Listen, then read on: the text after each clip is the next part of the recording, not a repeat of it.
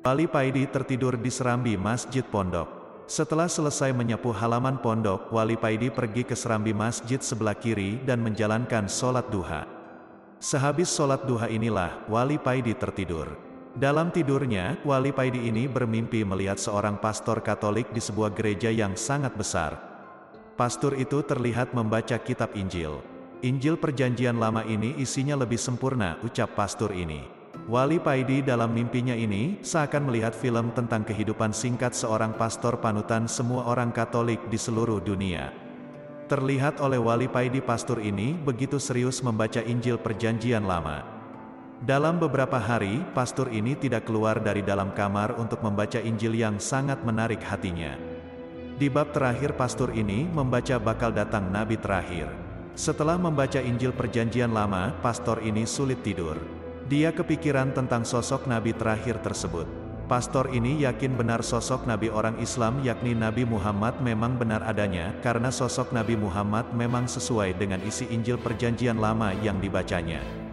Dan ketika pastor ini berkunjung ke Mesir, pastor ini mengambil kesempatan untuk bertemu mufti-mufti Mesir, bertanya mengenai agama Islam. Dia ingin mempelajari Islam lebih dalam, dan salah satu mufti Mesir menghadiahi pastor ini dengan sebuah Al-Quran. Setelah acara kunjungan di Mesir selesai, dia kembali ke Vatikan dan mulai membaca lembar demi lembar isi Al-Quran. Pastor ini semakin kagum dengan isi Al-Quran yang dibacanya. Pastor ini setiap ada waktu luang, dia selalu membaca Al-Quran. Setelah hatam, dia mengulanginya lagi. Tanpa disadarinya, dia telah mendapatkan kenikmatan dalam membaca Al-Quran.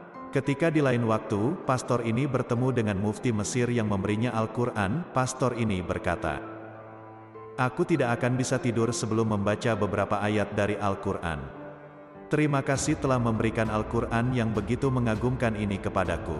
Walaupun begitu, pastor ini belum mau membaca syahadat walau hatinya sudah yakin mengenai kebenaran agama Islam, karena situasi dan kedudukannya tidak memungkinkan untuk melakukan hal itu.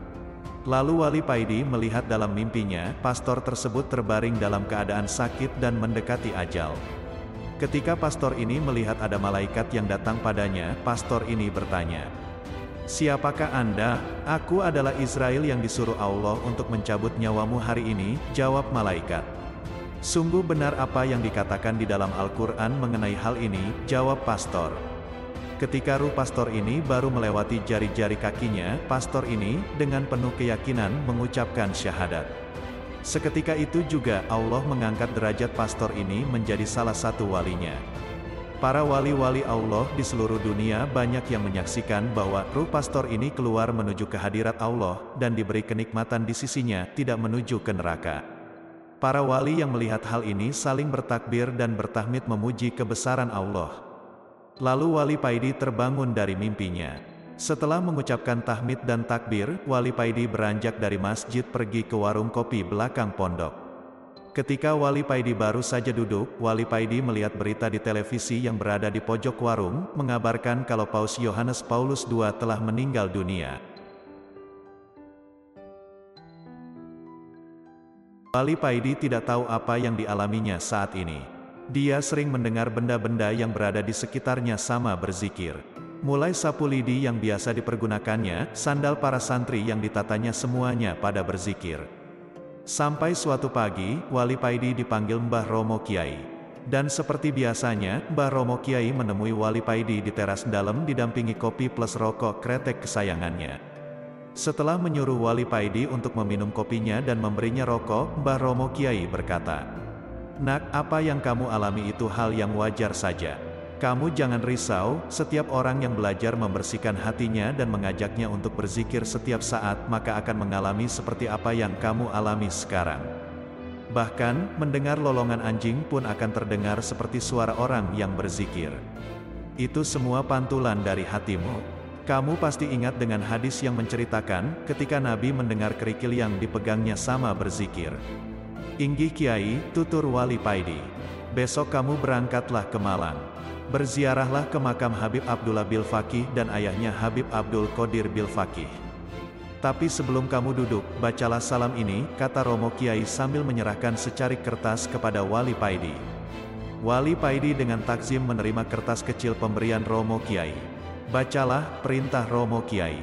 Salamullahi ya saadah. Dan seterusnya, Wali Paidi membacanya dengan melakukan salam tersebut. Salam itu memang sudah umum, dan di setiap kuburan wali banyak tergantung ucapan salam itu. Andai nanti ketika kamu sudah sampai di makam Habib dan Habib tidak berada di makam, maka ketika Habib mendengar ucapan salamu itu, insya Allah Habib akan kembali pulang ke makamnya dan menemui kamu, ucap Romo Kiai menjelaskan. Inggih Kiai, jawab Wali Paidi. Kamu naik sepeda motor si Sofyan saja, perintah Kiai. Sofyan adalah putra Romo Kiai. Besoknya Wali Paidi berangkat ke Malang, ke pemakaman umum Kasin. Romo Kiai berkata, makam Habib Abdullah dan Habib Abdul Qadir berada di pemakaman umum Kasin. Hanya itu petunjuk dari Romo Kiai. Sedangkan Wali Paidi tidak tahu di mana daerah Kasin itu. Wali Paidi tidak berani bertanya lebih jelas pada Romo Kiai, karena menjaga tata krama. Wali Paidi manut dan berusaha melaksanakan perintah Romo Kiai tanpa banyak bertanya dan protes. Sesampai di Malang, Wali Paidi langsung menuju alun-alun kota Malang. Setelah memarkirkan sepeda motornya, Wali Paidi celingak-celinguk mencari tukang parkir. Tidak lama kemudian, ada tukang parkir yang menghampirinya. Wali Paidi lalu bertanya kepadanya, di mana daerah Kasin itu. Setelah mendapat penjelasan dari tukang parkir tersebut, Wali Paidi langsung berangkat ke daerah Kasin sesuai petunjuk yang diterimanya. Kira-kira 10 menitan, Wali Paidi sudah berada di daerah Kasin. Sekarang tinggal mencari di mana letak pemakaman umum Kasin, batin Wali Paidi. Wali Paidi bertanya-tanya kepada orang-orang yang ditemuinya, ternyata menurut keterangan mereka, pemakaman umum Kasin ada dua. Wali Paidi lalu menerangkan kalau dia berniat ziarah ke makam Habib Abdullah Bil Fakih dan abahnya Habib Abdul Qadir Bil Fakih. Setelah mendapat petunjuk yang jelas mengenai arah-arah ke makam, Wali Paidi melanjutkan perjalanannya. Akan tetapi, Wali Paidi tetap tidak dapat menemukan makam tersebut, karena ketika sudah dekat, ada saja orang yang menunjukkan arah yang salah. Jadinya Wali Paidi muter-muter saja di wilayah Kasin. Setengah jam lebih Wali Paidi berputar-putar di wilayah Kasin, karena setiap Wali Paidi bertanya, jawabannya berbeda-beda.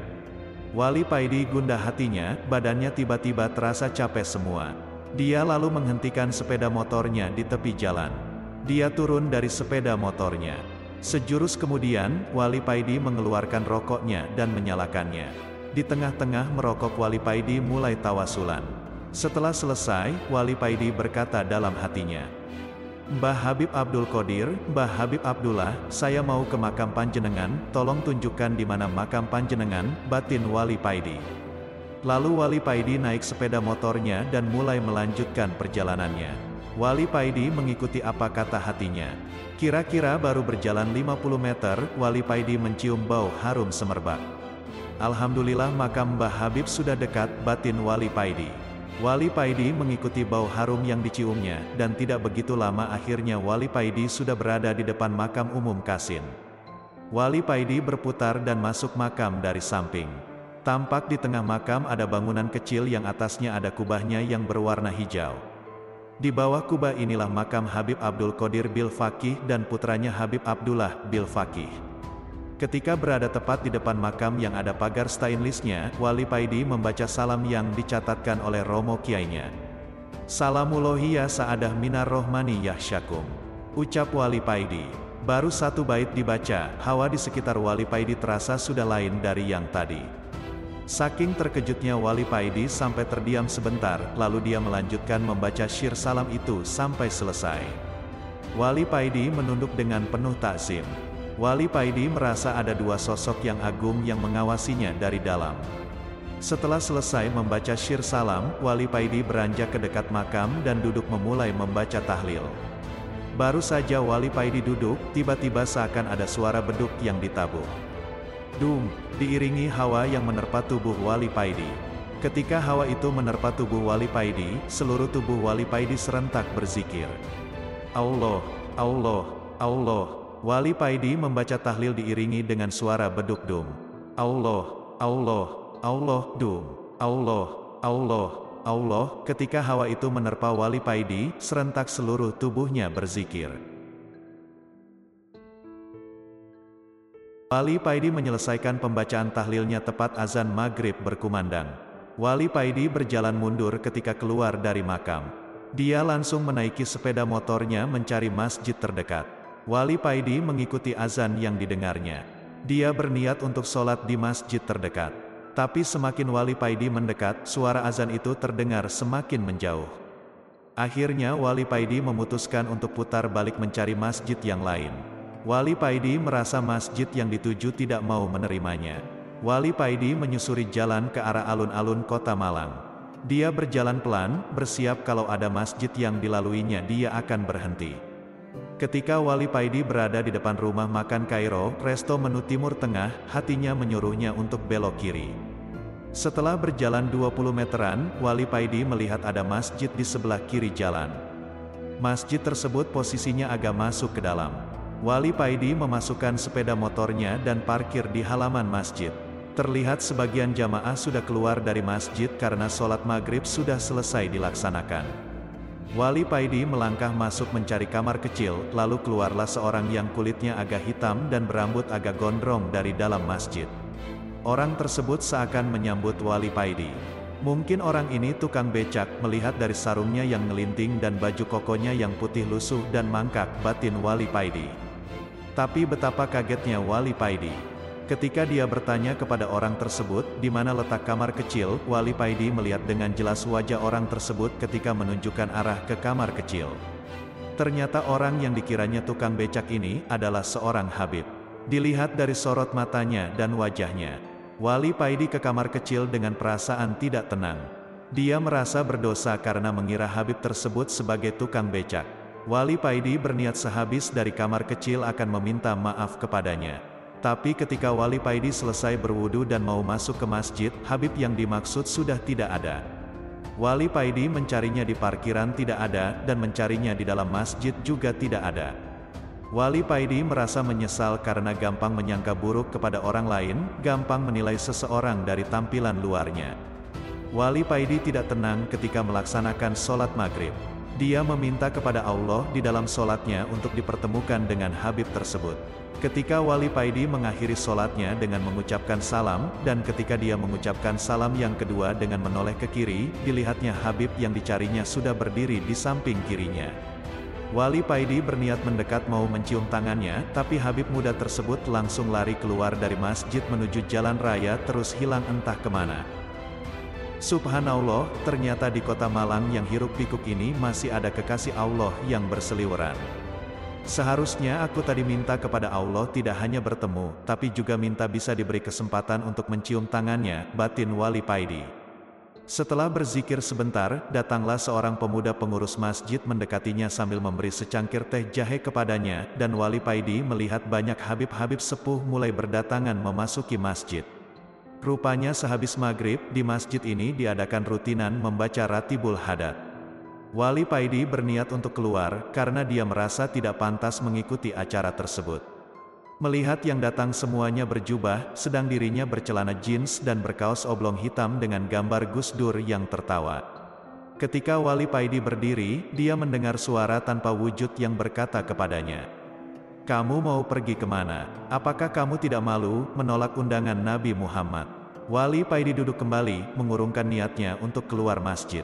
Dia mengikuti pembacaan Ratibul Hadat itu sampai selesai. Wali Paidi merasa malu sekali kepada Habib-Habib sepuh yang hadir di majelis, terutama kepada Nabi Muhammad yang mengundangnya. Sehabis sholat maghrib, Wali Paidi langsung menuju Jalan Soekarno-Hatta. Melewati jembatan, Wali Paidi belok ke kiri. Setelah berjalan kira-kira satu kilo, Wali Paidi melihat Habib yang dicarinya, Habib yang dikiranya tukang becak. Wali Paidi melihat Habib tersebut memasuki sebuah toko distro. Wali Paidi mengarahkan sepeda motornya ke kanan, tertampang tulisan di depan toko MORKL Outlet. Wali Paidi celingak-celinguk di depan toko, mencari Habib yang lari ke situ. Mungkin aku salah lihat, kok gak ada di sini, batin Wali Paidi. Tak lama kemudian keluar pemuda jangkung dengan perawakan agak kurus menghampiri Wali Paidi. Kang katanya mondok, kok keluyuran sampai ke sini, kata pemuda. Wah, wah, Mas Sakti toh, kok bisa di sini mas, kata Wali Paidi kaget. Ternyata Wali Paidi mengenal pemuda jangkung ini, dialah Mas Sakti yang oleh Wali Paidi sudah dianggap sebagai kakak tuanya, walau umur Mas Sakti ini di bawah umur Wali Paidi. Setelah saling mengolok-olok, Mas Sakti mengajak masuk ke dalam toko. Ayo ngopi di atas aja Kang, ajak Mas Sakti dengan menaiki tangga menuju ke atas toko. Wali Paidi dan Mas Sakti melanjutkan obrolannya sambil ngopi. Kadang mereka tertawa lepas, dan kadang di sela-sela obrolan mereka berdua bilang, amin amin, Wali Paidi menselonjorkan kakinya dan merebahkan tubuhnya. Di depannya duduk Mas Sakti sambil membaca koran bekas. Baca apa mas? Tanya Wali Paidi. Ini baca Ahmad Dhani di demo, jawab Mas Sakti. Soal apa mas? Tanya Wali Paidi lagi. Ini Ahmad Dhani pas konser menginjak lafaz Allah. Kan logo dewa itu ada rangkaian lafaz Allah. Sedang lantai panggungnya ada gambar besar logo dewa yang ada lafaz Allah tersebut, jawab Mas Sakti. Menurut sampeyan gimana mas? Tanya Wali Paidi. Mas Sakti terdiam agak lama. Setelah menaruh korannya dan menyeruput kopinya, Mas Sakti menyalakan rokok mildnya kemudian berkata. Menurut syariat, Dani ini salah. Tapi hakikatnya kita semua ini berdiri di atas lafaz Allah, jawab Mas Sakti. Maksud dan contoh jelasnya gimana mas? Tanya Wali Paidi. Mas Sakti berdiri memanggil temannya yang ada di bawah. Ping, tolong ambil kacamata di bawah terus bawa ke sini, kata Mas Sakti. Tidak lama kemudian datang teman Mas Sakti dengan membawa kacamata dan menyerahkan kepada Mas Sakti. Kamu pakai kacamata ini, ucap Mas Sakti sambil menyerahkan kacamatanya. Wali Paidi duduk dan memakai kacamata yang diberikan Mas Sakti. Ya Allah, Allahu Akbar, jerit Wali Paidi. Dalam pandangan Wali Paidi, seluruh dinding toko dan lantainya terangkai lafaz Allah. Wali Paidi mengarahkan pandangannya ke bawah, lantai yang didudukinya terangkai banyak lafaz Allah yang banyak sekali. Wali Paidi agak ketakutan melihat ini semua, dan Wali Paidi juga melihat nafas yang keluar dari hidung Mas Sakti membentuk lafaz Allah. Dalam pandangan Wali Paidi, seluruh permukaan bumi ini ada rangkaian lafaz Allahnya. Wali Paidi dengan berlinang air mata menyerahkan kembali kacamata kepada Mas Sakti. Mas Sakti menerimanya dengan tersenyum, kemudian dia berkata, Andai hijab hati kita dibuka oleh Allah, maka seluruh benda dan seluruh permukaan bumi terangkai lafaz Allah.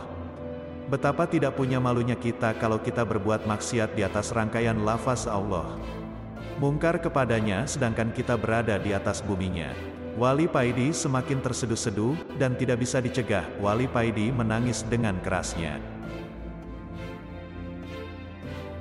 Wali Paidi terdiam di atas distro MORKL. Mas Sakti dengan tersenyum-senyum memperhatikan Wali Paidi di depannya.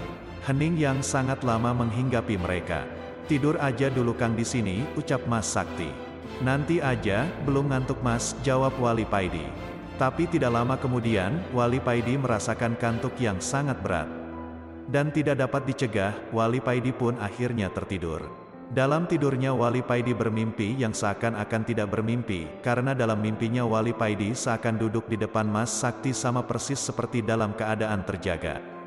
Tiba-tiba ada suara, blur, blur, blur, di depan toko, Wali Paidi berdiri dan berjalan ke jendela toko. Wali Paidi melihat kakak Mas Sakti datang dengan naik Harley. Dengan memakai jaket dan celana hitam, kakak Mas Sakti ini turun dari mogenya.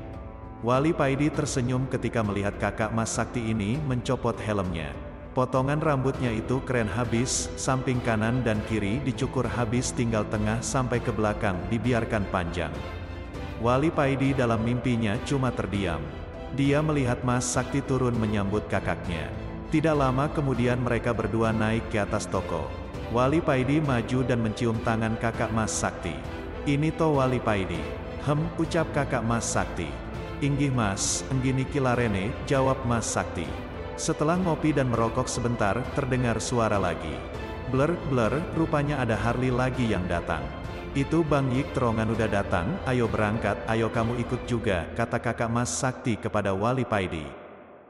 Wali Paidi berboncengan dengan Yikterongan, sedang Mas Sakti berboncengan dengan kakaknya. Wali Paidi seumur-umur baru kali ini merasakan naik Harley dengan kecepatan yang tinggi. Wali Paidi merasakan dalam mimpinya seakan jalan yang dilaluinya ini menuju ke langit. Mereka berempat baru berhenti ketika di depannya berdiri dengan megah sebuah istana yang sangat indah. Wali Paidi, Yikterongan, Mas Sakti dan kakaknya segera turun dari motor dan berjalan ke arah istana. Wali Paidi melihat bumi dilihat dari atas, tampak berselimutkan cahaya biru. Lapisan ozon, batin Wali Paidi. Kakak Mas Sakti mendekati Wali Paidi. Dengan menepuk-nepuk pundaknya Wali Paidi, kakak Mas Sakti ini berkata, apa yang kamu lihat itu memang banyak yang menyebutnya sebagai lapisan ozon. Sebenarnya lapisan biru yang mengitari bumi itu adalah cahaya iman yang terpancar dari hati setiap orang Islam. Kalau iman umat muslim semakin tipis, maka lapisan biru itu juga akan menipis dan cahaya matahari akan langsung masuk menerobos bumi. Kalau cahaya iman sudah habis, maka terjadilah kiamat. Jelas kakak mas sakti kepada wali Paidi. Setelah menjelaskan tentang lapisan ozon, kakak Mas Sakti mengajak Yikterongan dan adiknya untuk masuk ke dalam istana. Kamu belum waktunya masuk, jaga motor aja di luar, ucap kakak Mas Sakti kepada Wali Paidi. Santai aja, sebentar lagi sampeyan boleh masuk, olok Mas Sakti sambil tertawa. Siap bos, ucap Wali Paidi. Setelah mendapat banyak karunia di Malang, Wali Paidi kembali ke pondoknya. Mbah Kiai yang tahu kedatangan Wali Paidi merasa sangat senang, dan langsung menyuruh santri untuk memanggil Wali Paidi dan menghadap kepadanya. Wali Paidi yang mendengar titah gurunya itu langsung pergi ke dalam. Assalamualaikum, ucap Wali Paidi ketika berada di depan dalam. Waalaikumsalam, jawab Mbah Kiai dari dalam. Wali Paidi maju dan mencium tangan gurunya, tangan yang lembut dan wangi. Ayo duduk, Mbah Kiai mempersilahkan Wali Paidi duduk. Setelah duduk, Wali Paidi melihat wajah gurunya ini. Keyakinan Wali Paidi ini memang beda dengan keyakinan para murid pada umumnya. Kebanyakan para murid tidak berani menatap wajah gurunya ketika menghadap. Karena hal tersebut bagi mereka termasuk tindakan yang kurang sopan, tapi pendapat Wali Paidi lain, dia lebih suka melihat wajah gurunya karena baginya melihat wajah orang soleh adalah ibadah, dan tentu ada barokah di dalamnya. Keyakinan atau kedua pendapat ini sama benar, tinggal niatnya saja yang perlu ditata. Wali Paidi melihat wajah gurunya ini begitu bersinar dan begitu suci bersih, seakan-akan gurunya ini akan berpergian. Teringat ini, Wali Paidi langsung menangis sesegukan. Mbah Kiai yang melihat Wali Paidi menangis hanya tersenyum saja, lalu beliau bilang kepada Wali Paidi, Apa yang kamu lihat dan yang kamu rasakan itu benar, aku memang akan pergi memenuhi panggilan Allah.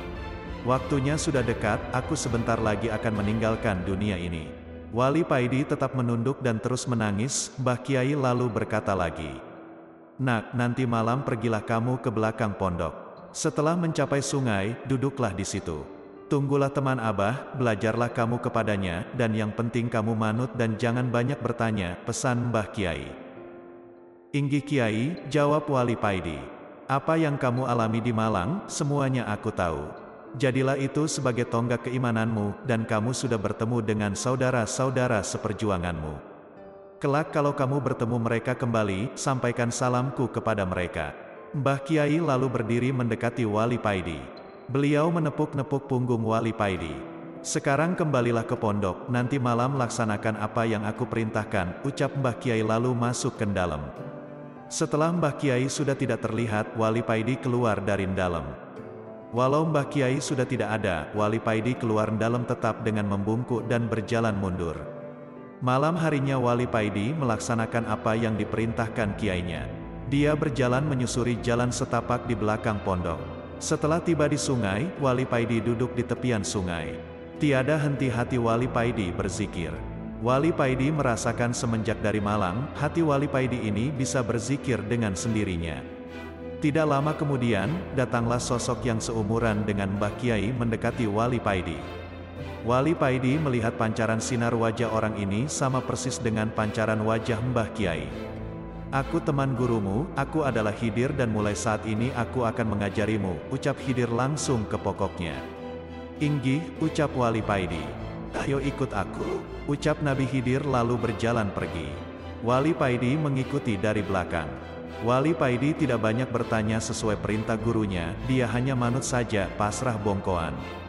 Nabi Hidir baru berhenti ketika di depannya ada gazebo, rumah bambu dengan atap ilalang, yang begitu indah. Gazebo ini terlihat kokoh dan futuristik.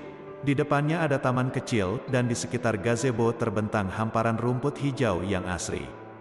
Tempat ini seperti villa mahal di daerah pegunungan. Masuklah, tempat wudhu dan kamar mandinya ada di belakang. Ucap Nabi Khidir. Dan tidak lama kemudian, azan subuh berkumandang. Wali Paidi pergi ke belakang mandi, berwudu kemudian sholat jamaah dengan Nabi Khidir. Setelah sholat, Wali Paidi duduk di teras gazebo. Di depannya duduk dengan berwibawa Nabiullah Khidir alaihi salam. Aku akan mengajarimu ilmu syariat dan ilmu hakikat.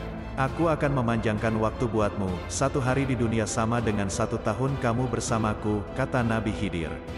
Sejak itu Wali Paidi belajar kepada Nabi Khidir tentang berbagai ilmu. Mulai sorof, nahu, fikih, balagoh, mantik dan lain-lain. Khusus ilmu tauhid, Nabi Khidir mengajarnya dua hari, Rabu dan Kamis. Sedang ilmu hakikat diajarkan di sela-sela pelajaran ilmu syariat. Untuk ilmu ini tidak terjadwal, mengalir begitu saja. Tidak terasa 10 tahun sudah Wali Paidi belajar kepada Nabi Khidir. Wali Paidi sekarang sudah menguasai berbagai macam ilmu dan sangat mahir. Sekarang sudah saatnya kamu kembali. Ingat pesanku ini, ilmumu itu tidak dapat kau pamer-pamerkan. Apa yang aku ajarkan beda dengan apa yang kamu terima di pondok. Ilmu yang aku ajarkan kepadamu hanya akan keluar ketika dibutuhkan. Ilmu itu aku taruh di hatimu, kata Nabi Khidir kepada Wali Paidi sehabis sholat isya berjamaah. Inggi, ucap Wali Paidi. Nanti kamu jangan kaget, karena waktu yang kamu habiskan di sini selama 10 tahun, sama dengan 10 hari ketika kamu di pondok, ucap Nabi Khidir. Hari itu juga Nabi Khidir mengantarkan Wali Paidi ke tempat pertama kali mereka bertemu. Setelah menyampaikan pesan-pesan, Nabi Khidir pergi meninggalkan Wali Paidi. Wali Paidi masuk pondok tepat azan subuh berkumandang. Sejak saat itu Wali Paidi seakan mempunyai ilmu laduni. Para santri mengira seperti itu karena Wali Paidi hanya pergi 10 hari, tapi setelah kembali ilmunya menjadi begitu luar biasa. Padahal ilmu yang didapat oleh Wali Paidi diperoleh dengan rajin belajar selama 10 tahun. Tidak lama kemudian, Mbah Kiai memang benar-benar pergi meninggalkan dunia ini menghadap Sang Ilahi. Berita tentang kematian Mbah Kiai tidak begitu menggemparkan, karena Mbah Kiai bukan Kiai terkenal. Prosesi pemakaman biasa saja, hanya para santri dan tetangga sekitar. Tapi ada yang unik ketika prosesi pemakaman dilakukan. Ada puluhan orang tak dikenal berdiri mengitari makam. Ada yang berjubah dan bersorban, ada yang berjas dan berdasi ada juga berpenampilan seperti gelandangan. Setelah prosesi pemakaman selesai, ada sosok yang sangat akrab menghampiri Wali Paidi. Sosok Nabiullah Khidir. Mereka yang hadir yang tidak dikenal orang di sini adalah teman Mbah Kiaimu. Mereka semua ini waliullah, dan aku bersama mereka telah sepakat menunjuk kamu sebagai ganti dari gurumu, kata Nabi Khidir. Wali Paidi tertegun, tidak bisa berkata-kata. Lalu Nabi Khidir berkata lagi kepadanya, kamu sekarang menjadi wali abdal, wali pengganti. Diceritakan sebelumnya tentang perjalanan, saliknya Wali Paidi ketika mondok di sebuah pesantren. Cerita kilas balik sejarah asal mula sosok Wali Paidi. Sekarang akan dikisahkan sepotong cerita masa kecil Wali Paidi. Berjalanlah dengan menunduk seorang kiai kampung yang sudah sepuh. Tampak sarung BHS-nya yang lusuh pemberian orang lima tahun yang lalu, dan baju takwa yang sudah tidak bisa dibilang putih menghiasi tubuhnya yang ringkih. Kiai ini menuju musola sederhana yang berada di samping rumahnya. Kiai ini mendengar suara tangisan seorang anak kecil yang begitu menyayat hati dari dalam kamarnya ketika sholat duha. Setelah mencarinya, ternyata suara itu berasal dari dalam musola di samping rumahnya. Kiai sepuh ini dengan agak gemetar memasuki musola. Setelah membuka pintu pagar dari kayu yang sudah lapuk, Kiai ini masuk ke dalam. Dilihatnya ada anak kecil yang bersandarkan dinding duduk bersila dengan memangku sebuah Al-Quran. Tampak pundak anak kecil terlihat berguncang-guncang karena menahan tangisannya yang memilukan. Kiai sepuh ini mendekati anak tersebut, setelah dekat barulah Kiai sepuh ini mengenali siapa anak ini. Loh, nak Paidi, mengapa kok nangis begitu, ucap Kiai dengan memegang pundak Paidi kecil. Ini mbah, dalam surat Al-Baqarah diterangkan kalau kayu bakar neraka itu adalah para manusia, ucap Paidi kecil dengan suara terbata-bata. Nak, kamu kan masih kecil, kamu masih suci, kamu gak akan masuk neraka, ucap Kiai menghibur. Dengan suara bergetar Paidi kecil ini menjawab, Mbah, kalau panjenengan pernah lihat tungku pembakaran, pasti yang dimasukkan ke tungku pertama kali untuk menyalakan api adalah ranting-ranting kecil. Paidi kecil menunduk, terdengar suara tangisannya semakin keras. Tampak Al-Quran yang dipangkunya basah terkena air matanya. Kiai sepuh ini gemetar kakinya mendengar jawaban Paidi kecil, dan Kiai sepuh ini jatuh terduduk. Kiai sepuh ini menangis sesegukan. Ya Allah, astagfirullah, rintih Kiai sepuh. Paidi kecil terkejut, serta merta dia merangkul Kiai sepuh. Dia merasa bersalah karena menyebabkan Kiai sepuh bersedih. Jadilah keduanya saling bertangis-tangisan. Mbah, jenengan gak usah bersedih, saya tahu dan bersedia menjadi saksi kalau Mbah Kiai adalah orang yang baik. Dan saya yakin kalau Mbah Kiai kelak terhindar dari api neraka, ucap Paidi kecil menghibur. Dengan masih menangis Kiai sepuh ini menjawab, Nak, dalam tungku pembakaran, kayu yang paling lama dan terakhir dibakar adalah kayu bongkotan, kayu yang sudah tua seperti aku ini. Tidak bisa dicegah, pecahlah tangisan keduanya. Mereka saling berangkulan dan sama-sama menangis. Pemandangan yang begitu menyayat hati. Esok harinya Kiai Sepuh ini sakit. Kiai Sepuh tiada henti-hentinya menangis. Kalau ditanya orang-orang yang menjenguknya mengapa Kiai tiada berhenti menangis, Kiai hanya menggelengkan kepala dan terus menangis. Satu minggu kemudian Mbah Kiai ini dipanggil Yang Maha Kuasa. Innalillahi wa inna ilaihi rojiun. Wali Paidi pertama diberitahu oleh Nabiullah Khidir, kalau dia adalah wali pengganti, mengalami kekagetan yang lumayan menggoncangkan dirinya. Sejak pengangkatan itu dirinya sering sakit. Setiap bulan minimal dua kali wali Paidi sakit. Kadang tiba-tiba kepalanya pusing dan tubuhnya greges. Ros-ros tulangnya serasa mau copot. Dan setiap diobati penyakit itu tetap saja menghampiri dirinya, seakan obat-obatan tidak mempan melawan penyakitnya. Akibatnya Wali Paidi sering tidak hadir di acara-acara yang biasa ia hadiri, seperti ngopi bareng, remian, maleman, melekan. Sampai bolo-bolo meledeknya, seperti orang kere yang manja. Wali Paidi juga gak ngerti dengan keadaan tubuhnya yang tidak seperti biasanya ini. Sampai akhirnya Nabi Hidir menemui dirinya lagi. Nabi Hidir datang dengan bentuk seperti salesman, sales produk air mineral. Nabi Hidir menjelaskan kepada Wali Paidi, Ketahuilah, setiap wali menanggung bala atau menjadi tameng setiap bala yang diturunkan oleh Allah kepada umatnya. Setelah menaruh barang dagangannya, Nabi Khidir menjelaskan lagi. Bala yang turun ditanggung oleh para wali sesuai tingkatan masing-masing wali. Semakin tinggi derajat wali semakin berat juga bala yang ditanggungnya. Dulu almarhum Habib Abu Bakar As-Segaf ketika meninggal, perutnya ketahuan bolong karena menanggung bala umat yang dinaunginya. Beliau adalah kutub, pemuka dan sultan para wali. Sedang tanggungan bala yang paling ringan adalah sakit kepala. Awak greges seperti yang kamu alami itu. Wali Paidi manggut-manggut. Dia jadi mengerti kalau dia adalah wali pemula, wali pengganti, wali badal, seperti pemain cadangan dalam sepak bola. Matur suun, maklum wali anyar-anyaran jadinya manja, ucap wali Paidi. Nabi Hidir berkata lagi, bersikaplah biasa seperti orang yang tidak sakit. Mereka para wali juga mengalaminya, tapi mereka menyembunyikannya. Nabi Hidir berdiri lalu beranjak pergi. Baru berjalan beberapa langkah, Nabi Hidir menoleh dan berkata lagi, Oh ya, setiap ada orang yang memuji-mujimu, kamu juga akan merasakan sakit seperti itu. Wali Paidi terdiam, dia menyeruput kopinya lagi, dan mengambil satu batang rokok dan menyalakannya. Enak-enak merokok, lewatlah Nabi Ilyas di samping wali Paidi yang menyamar sebagai penjual gorengan. Memang enak jadi wali, kata Nabi Ilyas setengah berlari menyusul Nabi Khidir sambil tertawa-tawa. Wali Paidi bercerita, aku duduk melingkar bersama lima orang sepuh yang aku tidak tahu siapa mereka. Tampak dari wajah mereka, kalau mereka sedang berzikir sir dan menunggu seseorang. Tak lama kemudian datanglah seorang pemuda yang kelihatannya miring otaknya. Pemuda ini datang dengan memakai sarung yang dililitkan di lehernya bergaya seperti Superman. Dengan agak bergumam pemuda ini ngomong-ngomong sendiri.